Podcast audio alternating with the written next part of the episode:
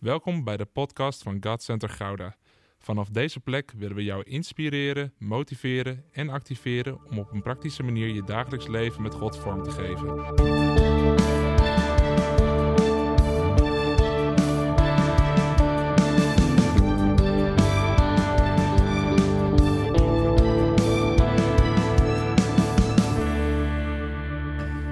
Amen. Laten we lezen. Blijven staan voor het woord van God. Ik heb u lief, Yahweh, mijn sterkte. Yahweh, mijn rots, mijn overwinning, mijn bevrijder. God, mijn steenrots, door hem overwin ik. Mijn overwinnaar.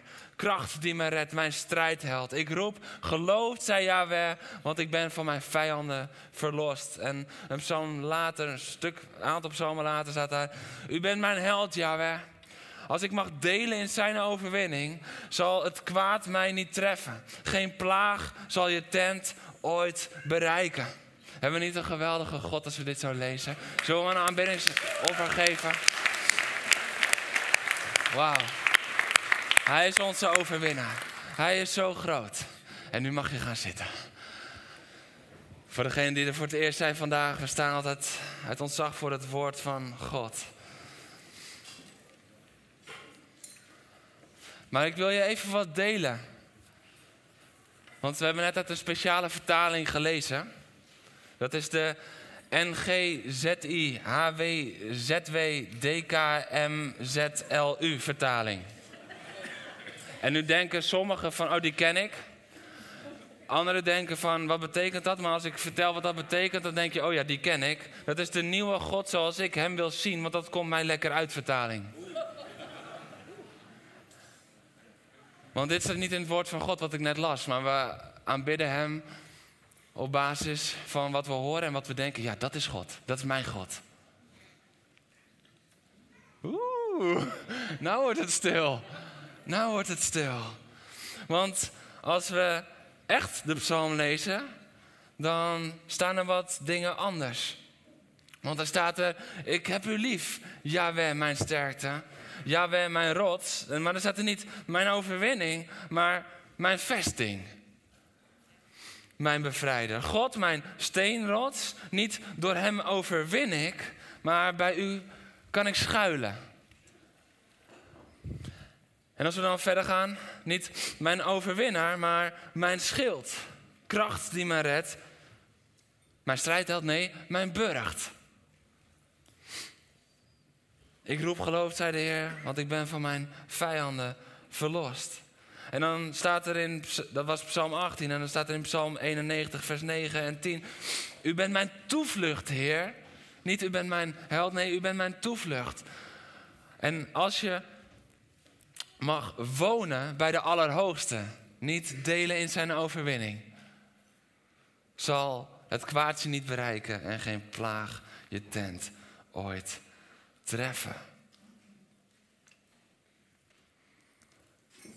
En ik dacht, we doen het gewoon even op de confronterende manier. Want als we het lekker genoeg vinden klinken over God en het past in ons straatje over wat wij denken en willen dat God is, roepen we met alle amen en doen we dit. Maar durven we God nog onder ogen te komen in wie Hij zegt dat Hij is? Want Jezus overwinnaar, dat klinkt zo lekker, maar Jezus mijn toevlucht, dat vinden we minder interessant. Als Jezus overwinnaar het lied dat een soort nationaal christelijk volkslied is geworden, was geweest Jezus mijn toevlucht, was het nooit het nationale christelijke volkslied geworden. Want we willen die overwinning.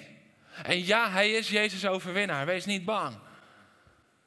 Maar we zitten in een serie over de namen van God. En God openbaart zich ook als de schuilplaats en de rots. En laat me je dit zeggen. Er is alleen een schuilplaats nodig als de overwinning nog niet zichtbaar is. Zuster Helen die deelde het afgelopen week al prachtig. En ik dacht, oh, dit is het beste intro richting volgende week. Maar we hebben een schuilplaats nodig. Waarom? Omdat Jezus wel overwinnaar is, maar de overwinning is nog niet altijd zichtbaar. Want als er geen strijd meer was, hadden we geen schuilplaats nodig. En God openbaart zich als ik ben je schuilplaats. Ik ben je rot. En als we dan denken aan hij is onze rots, dan hebben we vaak zo'n verkeerde verwachting van hij is onze rots. Daar gaan we vandaag naar kijken. Omdat het zo belangrijk is dat we leren Hem te aanbidden zoals Hij echt is. En niet zoals wij Hem vormen in ons denken. En dit is iets wat ik steeds meer en meer zie. Dat we alle vruchten die ons lekker lijken pakken uit de Bijbel en daar baseren we ons godsbeeld op. En die God aanbidden we, maar we zijn in totale verbijstering als hij dan niet doet wat wij hem voor aanbidden. Maar soms doet hij het anders omdat het beter is. En soms doet hij het anders en snappen we het niet totdat we in de hemel zijn. Maar daarom heet het vertrouwen, geloven in Hem. Want wat is geloof in Hem waard als we Hem niet vertrouwen? Is het dan nog echt geloven? Welkom als je hier voor het eerst bent. Het is meestal heel gezellig. Op een of andere manier altijd bij dit soort diensten krijg ik een scherp woord van de Heer. Het zal wel nodig zijn, halleluja. Maar hij verlangt ernaar dat we hem gaan leren zien zoals hij is. Weet je dat de naam van de Heer ijdel gebruiken, zoals in de tien geboden staat? Dat het niet alleen gaat dat je zegt, gij zult niet vloeken. Maar dat je de naam van de Heer in ontzag gebruikt voor wie hij is. En dat we hem niet verbuigen naar onze God, ons godsbeeld. Want Jezus overwinnaar wil iedereen wel volgen. Maar wat als hij zegt, ik ben de komende tijd jouw schuilplaats. Ja, maar dan staat mijn leven stil en stilstand is achteruitgang. En de Heer wil dat we altijd verder gaan. Nee, soms leidt hij naar een schuilplaats en zegt hij, ga daar zitten. Ik bescherm jou. Nee, maar dan vlucht ik voor mijn situatie. Nee, je vlucht in de armen van de Heer. En als hij je roept naar zijn armen, is het geen vlucht, maar is het gehoorzaamheid. Dit is de werkelijkheid. Dit is de werkelijkheid. God openbaart zich groter als alleen overwinnaar. God openbaart zich groter als alleen bevrijder, als alleen geneesheer. Het is bij elkaar en dat vind ik zo mooi als we Psalm 18 lezen. Ik ga straks nog iets meer vertellen over David die dit heeft geschreven. Maar hij zegt, mijn rots, mijn vesting en mijn bevrijder in één zin. En wij zeggen altijd, ja als je zegt dat de Heer je schuilplaats zit, dan heb je geen geloof voor de doorbraak in je leven. David denkt heel anders. David die slaat niet met die onzin. David zegt, hij, is mijn vesting. Bij hem moet ik schuilen. En hij is ook mijn bevrijder. Hij is het allemaal in één. Hij is en en. En wij denken zo vaak dat als we schuilen bij hem, dat we geen geloof hebben voor de doorbraak van de bevrijder. David heeft geen moeite om het in één zin op te schrijven. Want hij heeft doorleefd dat God beide is. Zullen we daarna gaan kijken met elkaar? Yahweh Tsuri. Dat is God mijn rots. En Yahweh Magsi. Dat is de Heer mijn toevlucht. Mijn schuilplaats. Dat zijn de twee namen van God die we vandaag samen gaan bekijken. En we vinden hem ook al in Jesaja 26 in het Engels. Staat er zo krachtig vertaald vanuit de grondtekst. Trust in the Lord forever. For in God the Lord we have an everlasting rock. Een everlasting rock. Een eeuwige rots. Hij is onveranderlijk. Onveranderlijk. Het is niet zomaar dat God zich openbaart als een rots. Want wij stellen ons zo weinig voor bij een rots. Want wij hebben niet echt rotsgebergte en alles hier in Nederland. Daarom gaan we graag op vakantie. Dan zien we dat. Dat vinden we mooi. Maar in Israël word je bijna overal wel omgeven door rotsen. En dan openbaart God zich in waar het volk Israël zich mee kan identificeren. Kan, kan snappen van, oh, dit is wat u bedoelt. En die rotsen die waren krachtig, die straalden kracht uit. En, en sterkte uit, maar tegelijkertijd ook onveranderlijk. Het was niet zo dat, dat het ene jaar de rotsen zo stonden en het jaar daarna stonden de rotsen anders. Nee, dat was altijd hetzelfde. En ja, door de seizoenen van het jaar heen zagen ze er misschien anders uit, maar de rots was altijd hetzelfde. God ziet er door de seizoenen van je leven misschien anders uit, maar de rots is hetzelfde.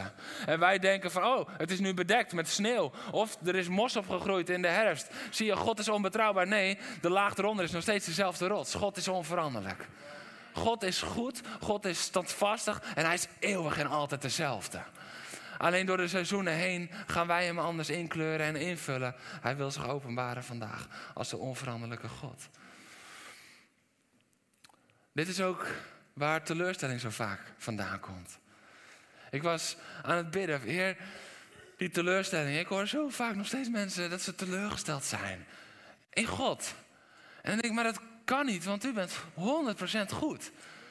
U bent volmaakt. Dus we kunnen eigenlijk niet teleurgesteld raken in u. En, en ik heb heel vaak heb ik dit gezegd. Ja, dat heeft dan te maken met verwachting. Je begrijpt zijn wegen niet. Maar ik geloof dat God je vandaag wat diepers wil laten zien, want dat heeft hij mij ook laten zien afgelopen week. Hij zei, Jeroen, dat heeft niet te maken met het begrijpen van mijn wegen. Het heeft te maken met het kennen van mijn hart. Wij denken vaak dat teleurstelling komt omdat er een andere verwachting is. Maar het heeft niet met die verwachting te maken. Het ligt dieper, dat probleem, dat we God vaak helemaal niet kennen. Want op het moment dat iemand schuilt bij de Heer, wat is onze eerste reactie? Nee, je moet proclameren. Nee, je moet schuilen bij de Heer. Als het God is die het van je vraagt op dat moment. Hè? Soms vraagt hij om te proclameren, soms zegt hij schuilen bij de Heer. Maar we veroordelen zo snel de ander. Ja, je moet wel geloof hebben. Je moet wel dit, je moet wel dat.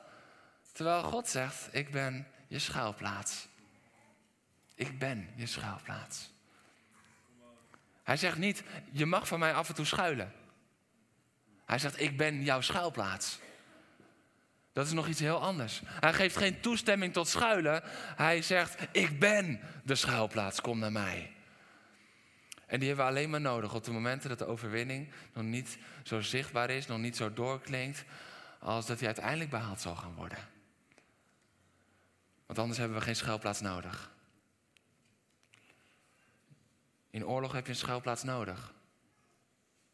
Maar als er geen oorlog is, heb je het ook niet nodig.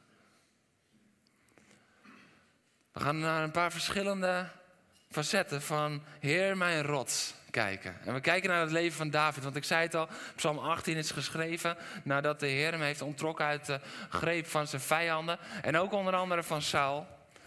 Maar David heeft de steenrots ook op een andere manier leren kennen. En daar beginnen we even en daarna gaan we naar de schuilplaats. Maar dat is het facet wat de meeste christenen het mooiste vinden als het gaat om God als rots. Want als we kijken naar David en Goliath, dan is de steenrots ook in het spel.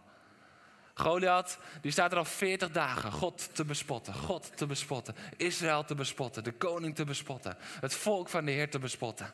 40 dagen lang, elke ochtend, elke avond. Hij treedt naar voren en dan, dan denk je van, hé, hey, ze geven hem applaus, maar het zijn de knikkende knieën van de Israëlieten die tegen elkaar tikken. Ja, dat is best verwarrend op zo'n strijdveld. En dan staat hij daar weer en dan gaat hij weer bespotten en beschimpen. En iedereen trilt als een rietje. En David komt dan wat brengen naar zijn broers en naar de bevelhebber, maar de Heer brengt David naar het strijdfront.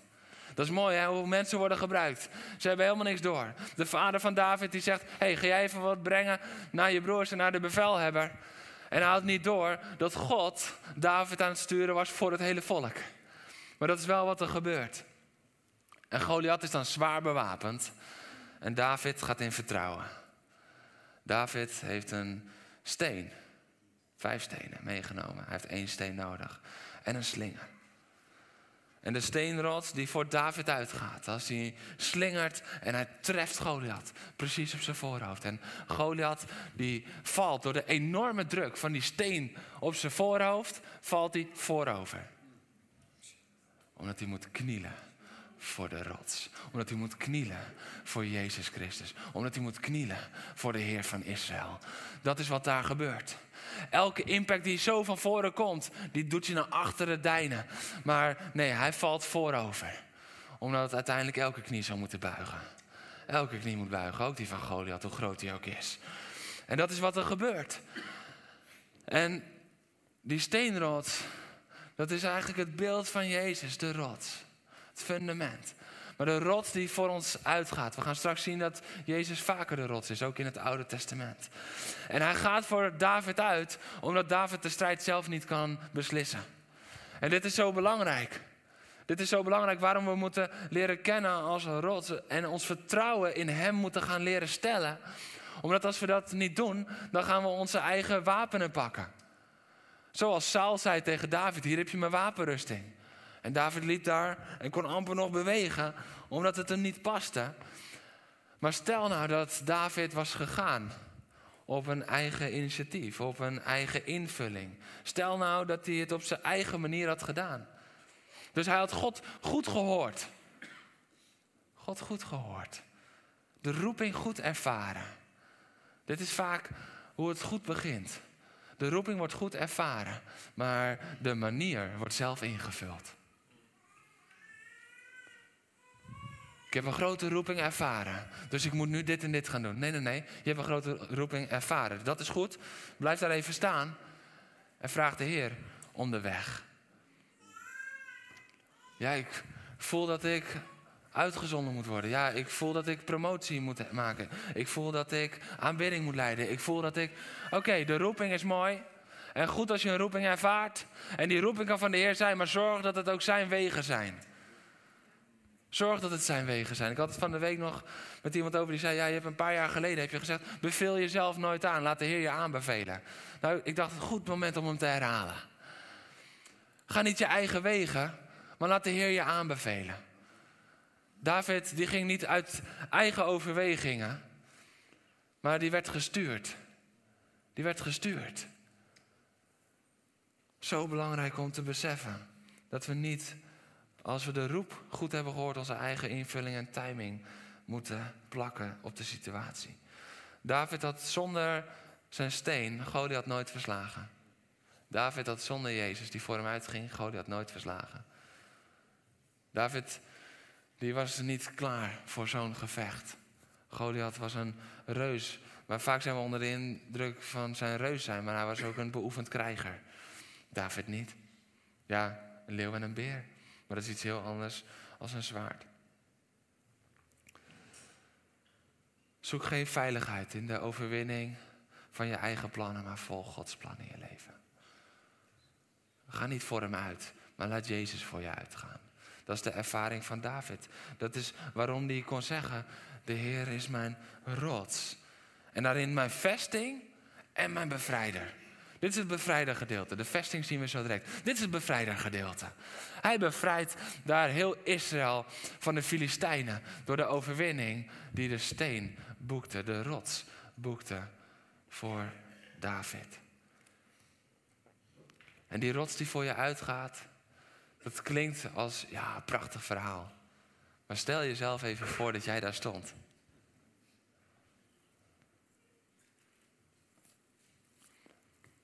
Hey, ik heb een slinger. ik ben niet bang om te gebruiken. Oh, je hebt een zwaard. Oh. oh, je eet me op. Maar ik heb de Heer.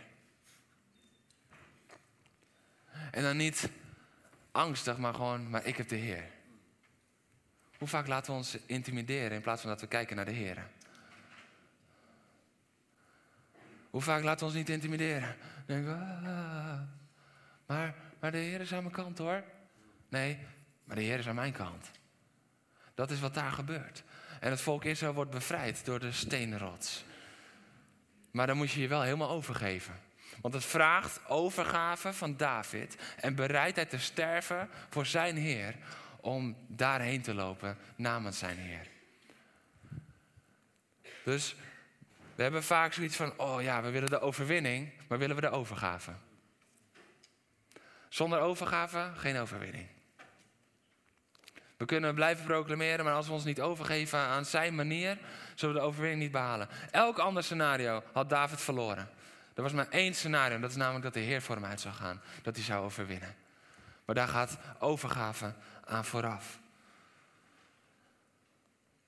Dat is het gedeelte, mijn rots, mijn vesting, mijn bevrijder. God, mijn steenrots. En dan zegt hij, bij u kan ik schuilen. En in Psalm 91, die waarschijnlijk ook geschreven is door David, staat dan: U bent mijn toevlucht, u bent mijn schuilplaats. Dus de steenrots die is voor David uitgegaan tegen het hoofd van Goliath. Maar de rots is ook de plek waar hij had geschuild. Waar God hem bevestigde dat hij Saul in zijn hand had. En daarom heb ik deze meegenomen vandaag weer. Sommigen denken van, Jeroen is echt helemaal van het padje af. Hij denkt dat het paas is.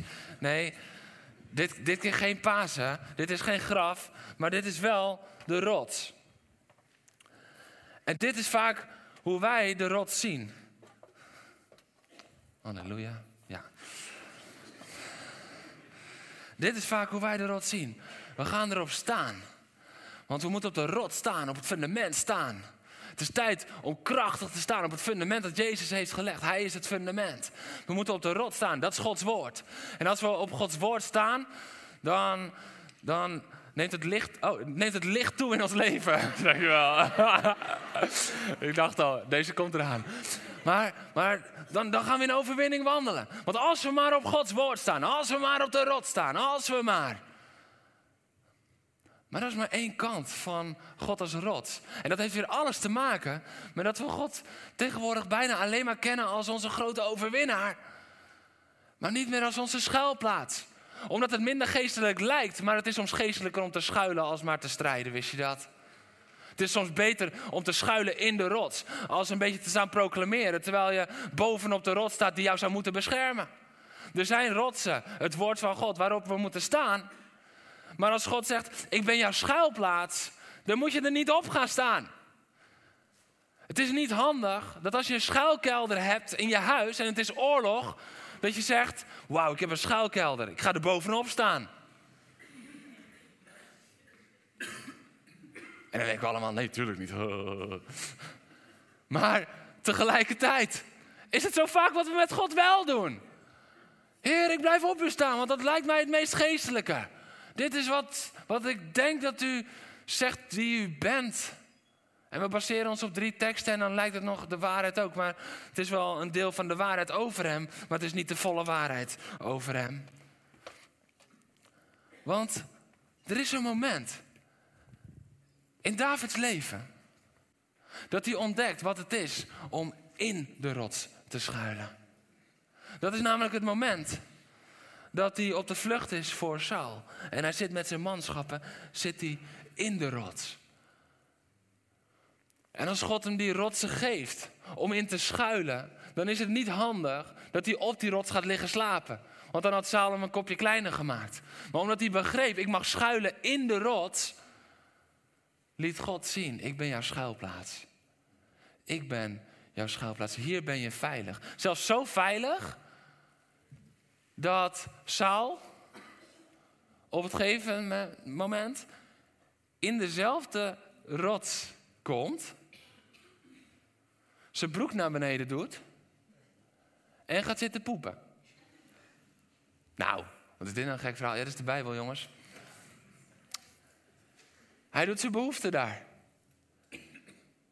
En David, die snijdt een stuk van zijn mantel om te laten zien, ik had je kunnen. Maar weet je wat het allermooiste hierin is? Dat op het moment dat je veilig in de schuilplaats bent, dan ga je niet meer je eigen wegen, omdat je volle vertrouwen is in de Heer. Want de manschappen zeggen tegen David, die zitten allemaal achterin. Hey, dat, hij zit daar te poepen. Maak hem af. De Heer heeft hem in je hand gegeven. Want de Heer is overwinnaar. Zie je, zie je dat overwinningsbeeld? Hij heeft hem in je hand gegeven. Maar David weet, nee, hij heeft me een schuilplaats gegeven. En niemand komt aan de gezalfde van de Heer. David blijft bij het plan van de Heer, omdat hij weet wat het is om in de schuilplaats te zijn. In de schuilplaats. Het wordt tijd dat we weer leren kennen hoe God is, ook als schuilplaats. Een schuilplaats, daar moet je in.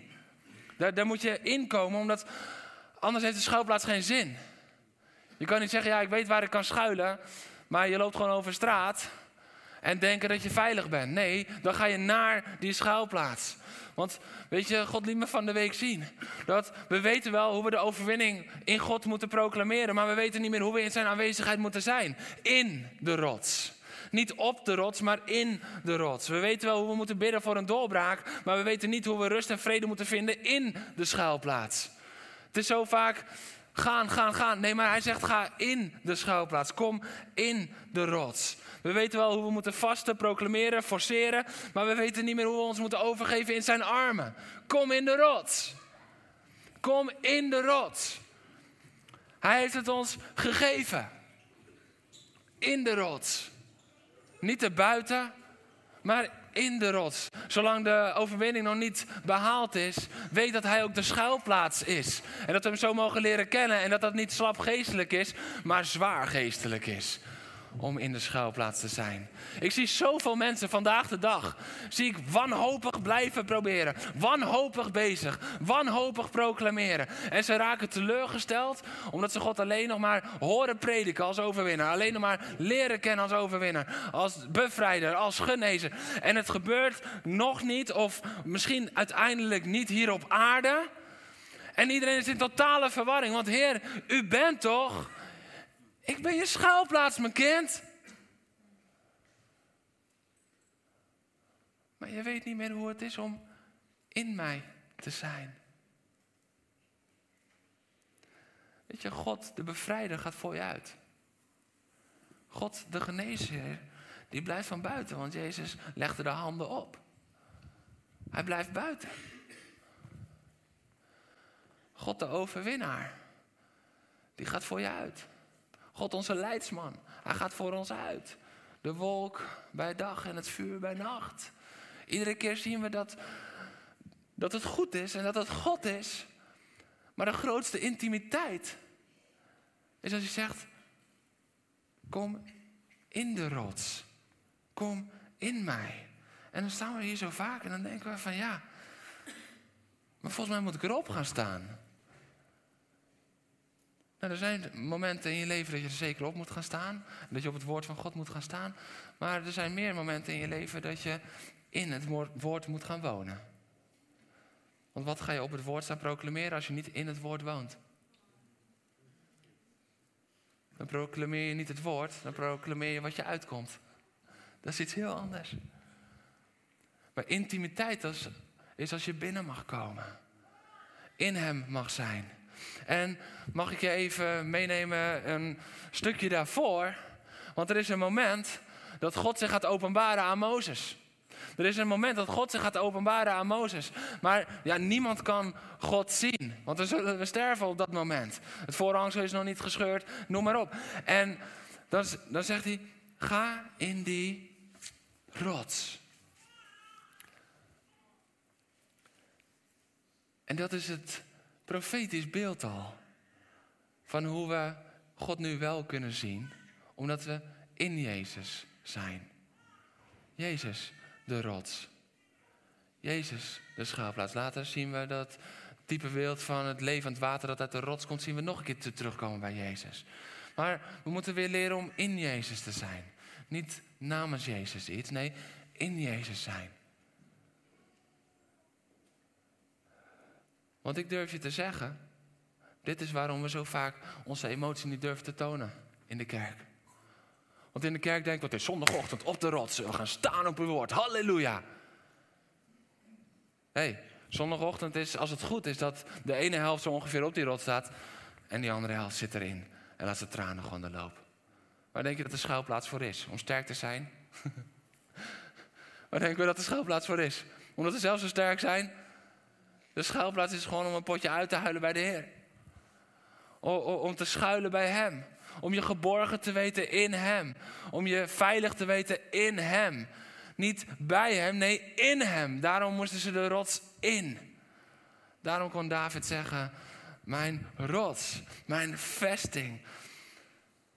Bij u kan ik schuilen, mijn burcht. En tegelijkertijd ook geloofd, zei de Heer, want ik ben van mijn vijanden verlost. Allebei tegelijk. Allebei tegelijk. Maar dit is het woord van God en dit is God. En als we hem niet meer kennen als onze schuilplaats, dan gaan we vroeg of eh, laat gaan we teleurstellingen oplopen omdat we hem niet kennen. Niet omdat onze verwachting niet goed is. Onze verwachting is niet goed omdat we hem niet kennen. Maar God wil zich zo graag kenbaar maken vandaag. Hij wil jouw schuilplaats zijn. Hij wil jouw toevlucht zijn. Waarom blijf je nog steeds weg met je pijn als hij jouw schuilplaats wil zijn? Waarom zoek je nog steeds in presteren of in dienen of in het vleien van anderen, terwijl je hunkert naar rust en vrede, terwijl daar binnen ligt jouw rust en vrede? Niet in de bevestiging van ook met iemand anders. Waarom werk je op eigen kracht om je te bewijzen, terwijl je verlangt naar bescherming? Nee, nee, nee, ik wil gewoon bevestigd worden. Nee, je wil beschermd worden. Je weet het alleen niet. En je denkt dat bevestiging bescherming geeft. maar de schuilplaats geeft bescherming. Het is niet ongeestelijk, het is niet zwak, het is niet ongelovig om te vertoeven in de schuilplaats. Het vaderhart van God hunkert naar jou in de schuilplaats. In de rots. In de rots. En het zijn misschien niet de boodschappen waar iedereen van gaat lopen stuiteren.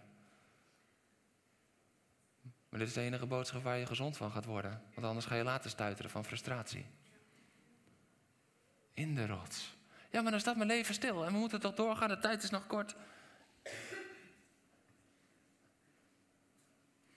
Hoezo denk je dat je gezond God kan brengen bij anderen als je zelf nog met zoveel pijn komt? Hij heeft eerst jou op het oog. Jij bent belangrijker dan wat je doet. En hij weet ook dat als je herstel vindt in die schuilplaats, als je leert om weer in hem te zijn. Ik, dit is speciaal voor mannen ook, hè? Ja, nu zijn jullie de pineut. ja. Mannen. Jullie denken altijd dat het stoer is om op de rots te staan. Maar het is echt stoer als je naar binnen durft te gaan. Je tranen te laten gaan. Weet je, dat is dan nog de genade van God. Hè? In, de, in de rots is het vaak een beetje donker. Ziet niet iedereen dat je huilt. Dat is lief hè, van de Heer. Maar hij ziet het wel. Hij ziet het wel. Laat je tranen gaan, laat je emoties zien. Daar is de schuilplaats voor. Wij denken dat het krachtig en sterk is als we maar sterk blijven. Nee, dat is poppenkast. Dat is iets anders. Het is tijd dat we echt worden. Het is tijd dat we echt worden. En als je pretendeert dat je de schuilplaats nooit nodig hebt, ben je niet echt. Ik hou van jullie. En de Heer ook. Daarom wilde hij zich openbaren als schuilplaats. Maar Jeroen, ik ga even iets ontkrachten. Dit is oud-testamentisch gedacht, want Jezus heeft overwonnen. Wie heeft het gedacht in dit uh, eerste stuk? Zullen we eerlijk zijn met elkaar? Durft iemand eerlijk? Ja, halleluja. Een paar eerlijke mensen. De rest, ren naar de schaalplaats direct. Um, dat is oud-testamentisch gedacht, want Jezus heeft nu overwonnen. Ja, en Jezus openbaart zichzelf als de deur. Van de schaapskooi. Waar de schapen in moeten, omdat het buiten onveilig is. Dat noemen we een schuilplaats. Dus Jezus die overwint. Die zegt, ik ben de opstanding en het leven. Die zegt ook, ik ben de deur. Waarom? Omdat de schapen nog steeds een schuilplaats nodig hebben. Het is Oude Testament en Nieuwe Testament. Het is niet dat God zich openbaart in het Oude Testament en dat God een transformatie heeft doorgegaan in het Nieuwe Testament. Nee, wat we van hem hebben gezien en wat we van hem kunnen zien, daar zit een transformatiegedeelte in. Maar de grootste transformatie hebben we zelf nodig. Niet God. Hij is eeuwig dezelfde. Hij is de eeuwige steenrots. De eeuwige. Altijd dezelfde. Jezus is de grote bevrijder, hij is de geneesheer. En dan zegt hij ook dat hij de deur naar de schaapskooi is. Waarom de deur naar de schaapskooi? Omdat God niet ontkent dat er buiten gevaar is. Hallo, God ontkent het niet. Wij denken dat we het moeten ontkennen. God is echt wat aan het rechtzetten vanochtend. Halleluja. Ik hoop dat jij het naar je zin hebt. Ik wel. Duurt nog even. Oh. God ontkent geen gevaar. Hij geeft een veilige schuilplaats. En Jezus is de deur. En ja, hij is de deur van redding. Maar hij is daarin ook de bewaker van de veiligheid. Want hij zegt, ik laat alleen de herder binnen. En die rovers en de rest zal ik buiten houden. Hij is de deur. En waarom naar binnen? De schapen gingen overdag grazig weiden. En als het dan donker werd, moesten ze naar binnen. Wij weten vaak niet meer helemaal waar de schaapskooi dan voor dient en alles, omdat we daar niet meer helemaal mee omringd worden. Maar dit was in het volk Israël echt gewoon een 1 en 1 is tweetje. Dit is logisch, want s'nachts, dan komen de wolven, dan komen de leeuwen, dan komen ze roven. Als het donker is in je leven, als het donker is in je nacht, dat zijn de momenten dat je de schuilplaats nodig hebt. Dat zijn de momenten, want dan wordt de aanval gepland Omdat de duivel ziet van, oh, nu kan ik iemand tackelen. Nu kan ik proberen. Nu is het zicht niet meer helder. Nu is de blik niet meer. Nu is de focus niet meer. Oh, ze zijn zwak op dit moment. Laat ik ze pakken. En weet je, wij denken vaak dat we daarom nooit zwak mogen zijn. Want als we zwak zijn, dan vallen we in de hindernissen van de duivel. Nee, je mag af en toe wel een zwak moment hebben. Maar zorg dat je dan in de schuilplaats bent. Want als je zwak bent in de schuilplaats, ben je veilig. Dat is wat Paulus onder andere bedoelt met: hé, hey, ben ik zwak? Hij is sterk in mij. Hoe kan je sterk zijn in Hem als je niet in Hem bent? Hoe kan je sterk zijn in Hem? Krachtig wandelen in Hem. Als je niet weet hoe het is om in Hem te zijn. We zeggen wel vaak, ja, in de kracht van Jezus gaan we. Of in de autoriteit van Jezus gaan we. In de, we hebben onze mond vol van in de van Jezus. Maar weten we ook wat het is om in de schuilplaats, in de aanwezigheid van Jezus te zijn? Of kennen we alleen de uiterlijke beweging van het in Hem zijn? Schuilen is geen zwakte. Schuilen is geen zwakte. En schuilen is ook geen vlucht. Weet je dat het vaker nog gewoon gehoorzaamheid is? Want God weet, als je niet bij mij schuilt, ga je het zelf forceren. Als je niet bij mij schuilt, dan maak je zelf Saul een kopje kleiner op het moment dat het kan. Maar in de schuilplaats was David bij macht om te zeggen: niemand raakt hem aan. Niemand raakt hem aan. Wat denk je dat zijn legertje van hem dacht op dat moment? Die ze hun eigen leven op het spel zetten. Voor hun leider, voor David. Hun eigen leven helemaal op het spel zetten. En, uh, en, uh, en dan het moment, hij zit daar met zijn broek naar beneden. Voor de mensen die beeldend zijn ingesteld, herhaal ik dat gewoon nog een keer, vind ik leuk. En, en ze staan achter hem. En je ruikt die bedwelmende geur. En dan denk je van, nou ja, weet je, dat is die stank van die vent waard, want we hebben hem nu in onze macht. En dan midden in die stank zegt David, ho, ho, ho. Niemand gaat hem aanraken. Niemand doet hem iets aan. Want dat zouden onze wegen zijn, maar niemand komt aan de gezalfde van de Heer. Alleen de Heer zelf. Dat kan je alleen in de schuilplaats. Je kan alleen de wegen van de Heer echt gaan nadat je de roeping hebt herkend. Als je ook weet wat het is om in de schuilplaats te gaan. Ja, maar hoe moet dat dan voor mij? Want ja, prachtig, die schuilplaats, die toevlucht, die deur. Jezus ook, het is dus ook nog nieuw testamentisch. Maar ondertussen verga ik van de droogte. Verga ik van de pijn. Is het een woestijn? Ik heb verfrissing nodig. Ik heb nieuwe kracht nodig. Want ik ga het zo niet halen. Zonder water kom ik niet verder. En ik kan blijven schuilen, maar als ik niet ergens een, een bron kan aanboren, hoe moet dat dan? Zonder die hoop heb ik niet genoeg aan die veiligheid. Dit is ook het punt waar je in kan zitten. Maar daarom moeten we God helemaal leren kennen als rots. Dieper leren kennen als rots. Want in Exodus 17 lezen we dat het volk in de woestijn is zonder water. De uittocht uit Egypte heeft plaatsgevonden. Ze zijn de zee doorgegaan. En dan na een aantal dagen, dan zitten ze zonder water. En ze beginnen zich bij Mozes te, te beklagen. Waarom heb je ons meegenomen? Je had ons beter kunnen laten sterven daar. Daar was het beter. En wat God dan doet, is hij roept Mozes de rots op. Bij Horeb. Weet je wat Horeb betekent? Droog, verlaten, woestijn. In jouw droogte, in jouw verlatenheid, in jouw woestijnperiode, roept God je op. Roept God je op om op die Horeb te komen. En als je er dan op staat, dan zegt God, en sla nu de rots en er zal water uitkomen. Sla nu de rots.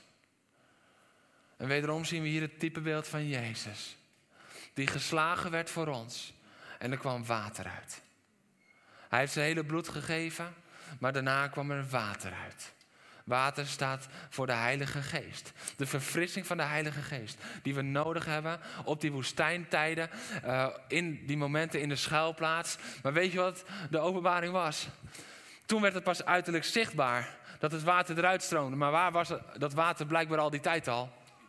In de rots. Er is altijd, alles wat jij nodig hebt, bevindt zich in die rots. Alles wat jij nodig hebt.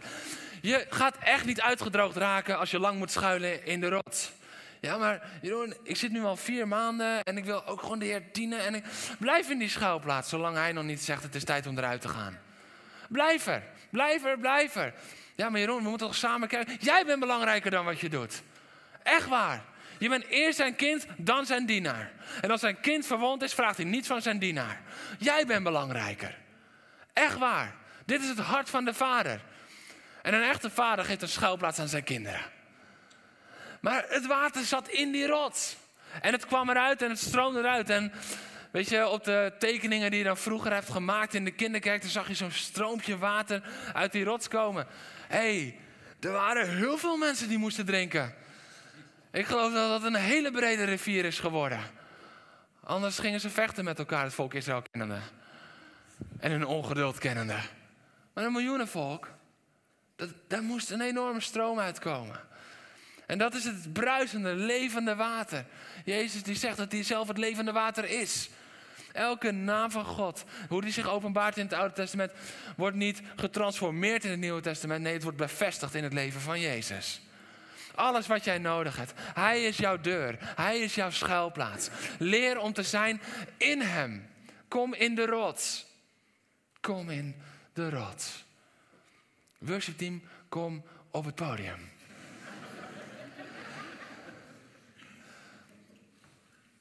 Het water was in de rots. De veiligheid was in de rots. Het was in de rots. En misschien denk je, Jeroen, waarom zeg je zo vaak in de rots? Dat weet ik niet zo goed, maar ik voel dat de Heilige Geest iedere keer drijft om het te blijven herhalen. Want we vinden dit zo ongelooflijk ingewikkeld. Want het is zoveel makkelijker om in zijn kracht te gaan. Want in zijn kracht kunnen we onze emoties een beetje.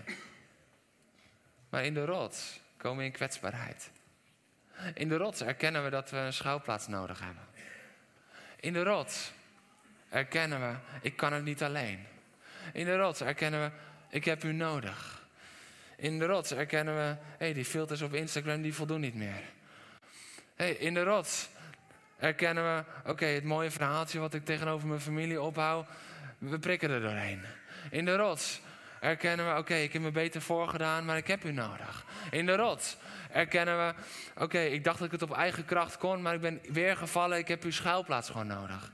In de rots erkennen we dat Jezus overwinnaar is en Jezus de deur is. En dan verandert Jezus voor ons misschien. Niet omdat Hij verandert, maar omdat ons beeld van Hem verandert.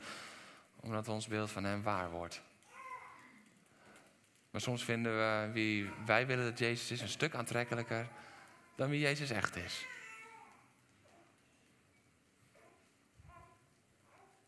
Maar Jezus wil zich niet vormen naar wie jij wil dat Hij is. Jezus wil zich openbaren in wie Hij helemaal is. Onze schaalplaats. Onze rots. En weet je wat dan zo mooi is?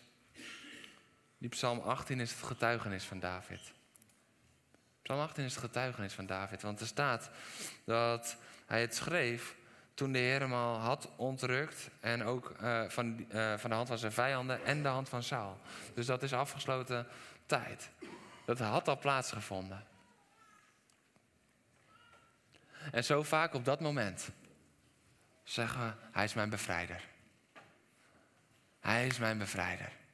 Oh, hij is de wonderbare. Hij doet wonderen. Hij doet tekenen. Hij is onze genezer. Hij is onze bevrijder. En we vergeten dat hij ook die schuilplaats was totdat het wonder aanbrak. David weet hoe hij moet getuigen. Omdat we dat zo vaak vergeten in onze getuigenissen, vormen we een generatie die denkt dat Jezus gaat om overwinning. Nee, hij is overwinnaar. 100% Maar hij is ook 100% de schuilplaats. Hij is 100% de rots. En alles samen maakt 100% Jezus. Dus het is tijd dat we 100% Jezus, 100% God leren kennen. In wie hij echt is.